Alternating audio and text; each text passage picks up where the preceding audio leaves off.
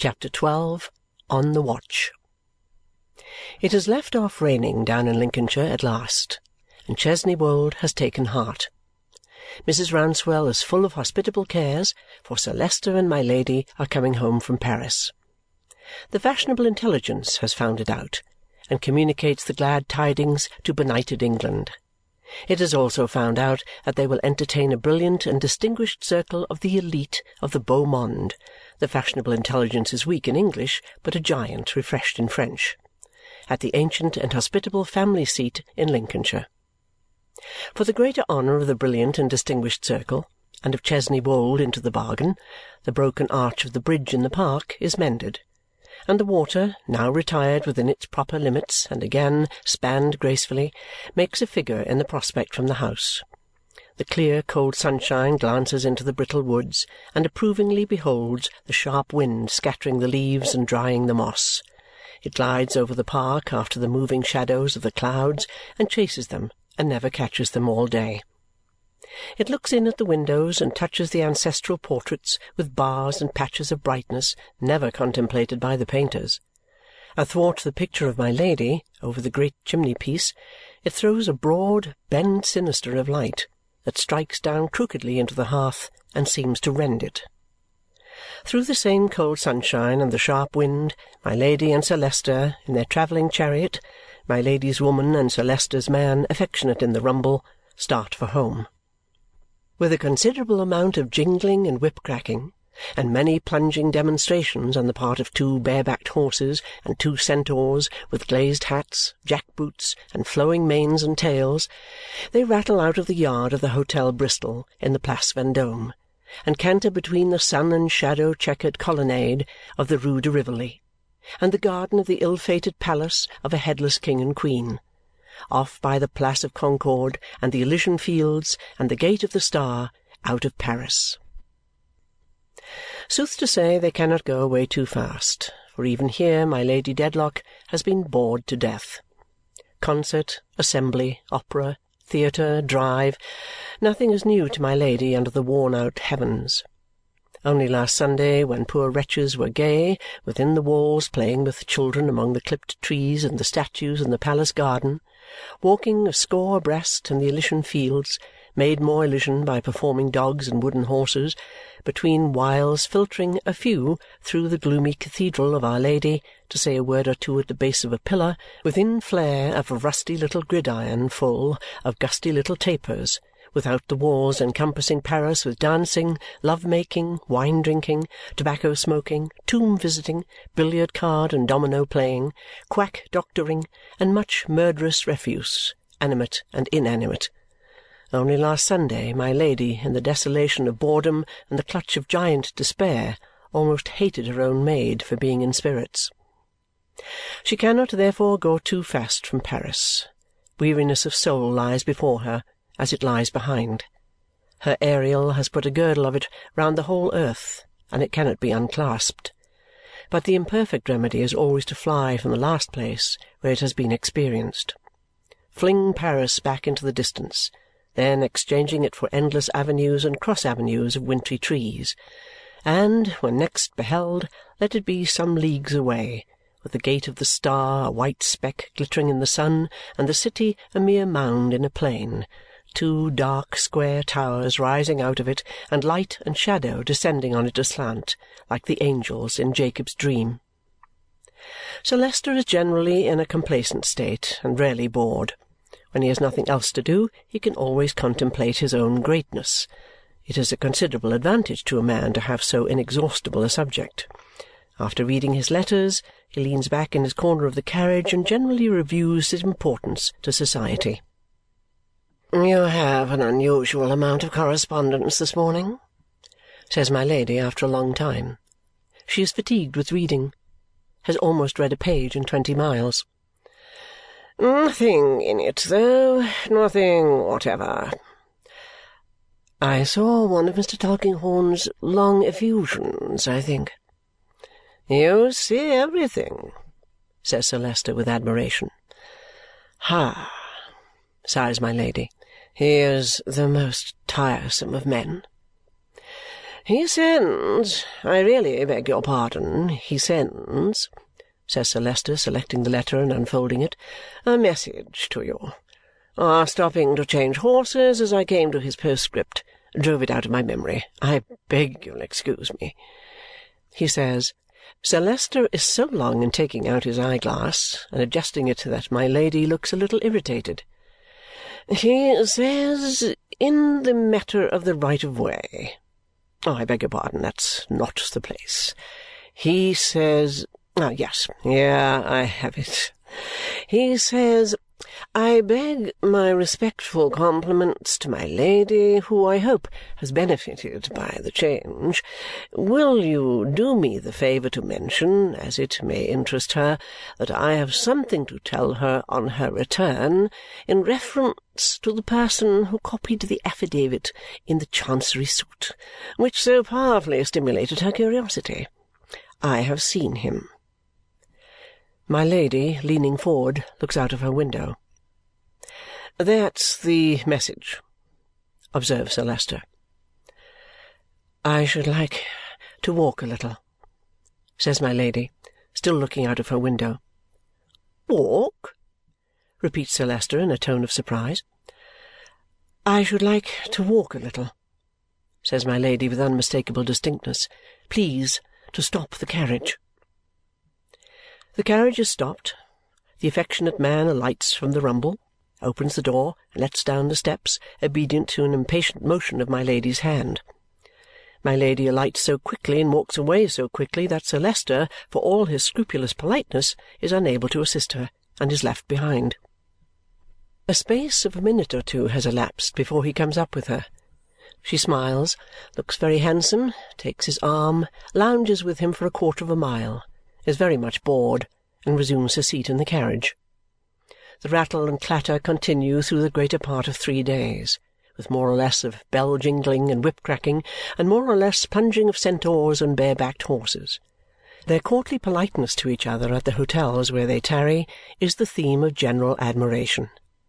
Though my lord is a little aged for my lady, says Madam, the hostess of the Golden Ape, and though he might be her amiable father, one can see at a glance that they love each other. One observes my lord with his white hair standing hat in hand to help my Lady to and from the carriage. One observes my Lady, how recognizant of my lord's politeness, with an inclination of her gracious head and the concession of her so genteel fingers. It is ravishing. The sea has no appreciation of great men, but knocks them about like the small fry. It is habitually hard upon Sir Leicester, whose countenance it greenly mottles in the manner of sage cheese and in whose aristocratic system it effects a dismal revolution. It is the radical of nature to him. Nevertheless, his dignity gets over it after stopping to refit, and he goes on with my Lady for Chesney Wold, lying only one night in London on the way to Lincolnshire. Through the same cold sunlight, colder as the day declines, and through the same sharp wind, sharper as the separate shadows of bare trees gloom together in the woods, and as the Ghost's Walk, touched at the western corner by a pile of fire in the sky, resigns itself to coming night, they drive into the park.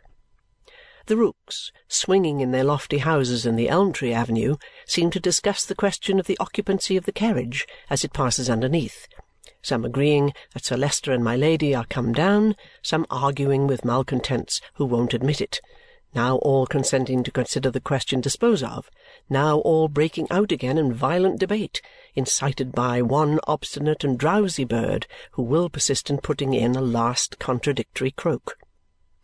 Leaving them to swing and caw, the travelling chariot rolls on to the house, where fires gleam warmly through some of the windows, though not through so many as to give an inhabited expression to the darkening mass of front. But the brilliant and distinguished circle will soon do that.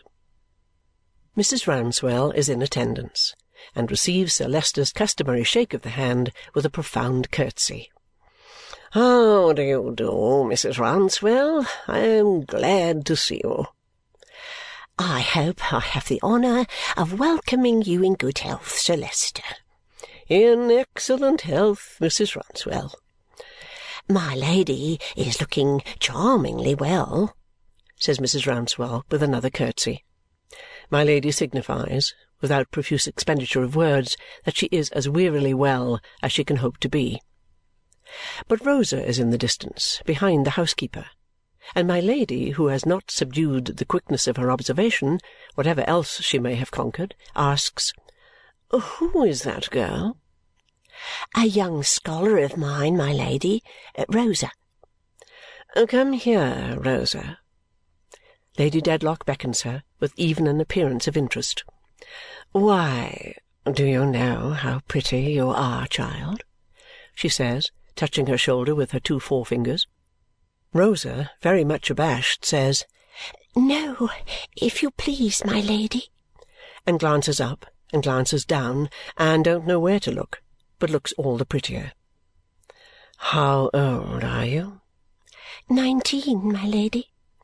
"Nineteen," repeats my Lady thoughtfully. Take care they don't spoil you by flattery. Yes, my Lady.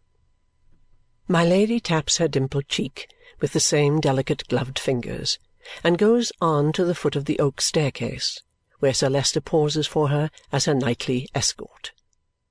A staring old Dedlock in a panel, as large as life and as dull, looked as if he didn't know what to make of it, which was probably his general state of mind in the days of Queen Elizabeth. That evening, in the housekeeper's room, Rosa could do nothing but murmur Lady Dedlock's praises. She is so affable, so graceful, so beautiful, so elegant, has such a sweet voice and such a thrilling touch that Rosa can feel it yet. Mrs. Rouncewell confirms all this, not without personal pride, reserving only the one point of affability. Mrs. Rouncewell is not quite sure as to that. Heaven forbid that she should say a syllable in dispraise of any member of that excellent family, above all of my Lady, whom the whole world admires. But if my Lady would only be a little more free, not quite so cold and distant, Mrs. Rouncewell thinks she would be more affable. "'Tis almost a pity," Mrs. Rouncewell adds, only almost because it borders on impiety to suppose that anything could be better than it is in such an express dispensation as the Dedlock affairs. That my Lady has no family. If she had had a daughter now, a grown young lady to interest her, I think she would have had the only kind of excellence she wants. Might not that have made her still more proud, grandmother? Says Watt, who has been home and come back again, he is such a good grandson. More and most, my dear, returns the housekeeper with dignity, are words it's not my place to use, nor so much as to hear, applied to any drawback on my Lady. I beg your pardon, grandmother, but she is proud, is she not? If she is, she has reason to be. The Dedlock family have always reason to be. Uh, well, says Watt, it's uh, to be hoped they line out of their prayer books a certain passage for the common people about pride and vainglory. Forgive me, grandmother, only a joke.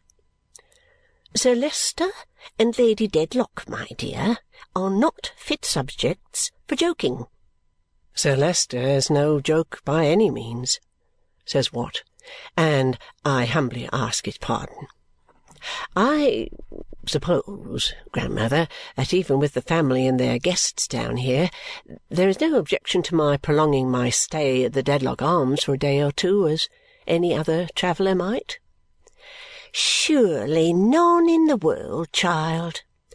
I'm glad of that, says Watt, because I have an inexpressible desire to extend my knowledge of this beautiful neighbourhood. He happens to glance at Rosa, who looks down and is very shy indeed. But according to the old superstition, it should be Rosa's ears that burn, and not her fresh bright cheeks, for my Lady's maid is holding forth about her at this moment with surpassing energy. My Lady's maid is a Frenchwoman of two and thirty, from somewhere in the southern country about Avignon and Marseille a large-eyed brown woman with black hair who would be handsome but for a certain feline mouth and general uncomfortable tightness of face, rendering the jaws too eager and the skull too prominent. There is something indefinably keen and wan about her anatomy, and she has a watchful way of looking out of the corners of her eyes without turning her head, which could be pleasantly dispensed with, especially when she is in an ill humour and near knives. Through all the good taste of her dress and little adornments, these objections so express themselves that she seems to go about like a very neat she wolf, imperfectly tamed. Besides being accomplished in all the knowledge appertaining to her post, she is almost an Englishwoman in her acquaintance with the language. Consequently, she is in no want of words to shower upon Rosa for having attracted my Lady's attention, and she pours them out with such grim ridicule as she sits at dinner that her companion, the affectionate man, is rather relieved when she arrives at the spoon stage of that performance. Ha, ha, ha! She, Hortense, been in my Lady's service since five years, and always kept at the distance. And this doll, this puppet, caressed, absolutely caressed, by my Lady on the moment of her arriving at the house. Ha, ha, ha! And do you know how pretty you are, child? No, my Lady, you are right there. And how old are you, child? And take care they do not spoil you by flattery, child. Oh, how droll! It is the best thing altogether. In short, it is such an admirable thing that Mademoiselle Hortense can't forget it. But at meals for days afterwards, even among her countrywomen and others attached in like capacity to the troop of visitors, relapses into silent enjoyment of the joke an enjoyment expressed in her own convivial manner by an additional tightness of face, thin elongation of compressed lips, and sidewise look, which intense appreciation of humour is frequently reflected in my Lady's mirrors when my Lady is not among them. All the mirrors in the house are brought into action now, many of them after a long blank. They reflect handsome faces, simpering faces, youthful faces, faces of threescore and ten that will not submit to be old, the entire collection of faces that have come to pass a January week or two at Chesney Wold, and which the fashionable intelligence, a mighty hunter before the Lord, hunts with a keen scent from their breaking cover at the court of St. James's to their being run down to death. The place in Lincolnshire is all alive. By day, guns and voices are heard ringing in the woods, horsemen and carriages enliven the park roads, servants and hangers-on pervade the village and the Dedlock Arms. Seen by night from distant openings in the trees, the row of windows in the long drawing-room, where my Lady's picture hangs over the great chimney-piece, is like a row of jewels set in a black frame. On Sunday the chill little church is almost warmed by so much gallant company, and the general flavour of the Dedlock dust is quenched in delicate perfumes.